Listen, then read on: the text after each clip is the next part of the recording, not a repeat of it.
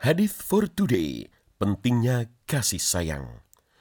Diriwayatkan dari Abu Hurairah radhiyallahu anhu, sesungguhnya Al-Aqra bin Habis pernah melihat Nabi Shallallahu alaihi wasallam memeluk Hasan radhiyallahu anhu, lalu Al-Aqra berkata, Sesungguhnya aku memiliki sepuluh orang anak namun aku tidak pernah memeluk seorang pun dari mereka.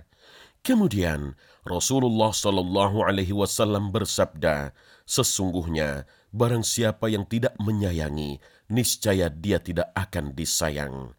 Hadis riwayat Bukhari Muslim. Dalam riwayat lain tentang pentingnya kasih sayang juga diriwayatkan oleh Jarir bin Abdullah radhiyallahu anhu, Rasulullah shallallahu alaihi wasallam bersabda, Siapa tidak menyayangi sesama manusia, maka Allah tidak akan menyayangi. Muttafaqun alaih.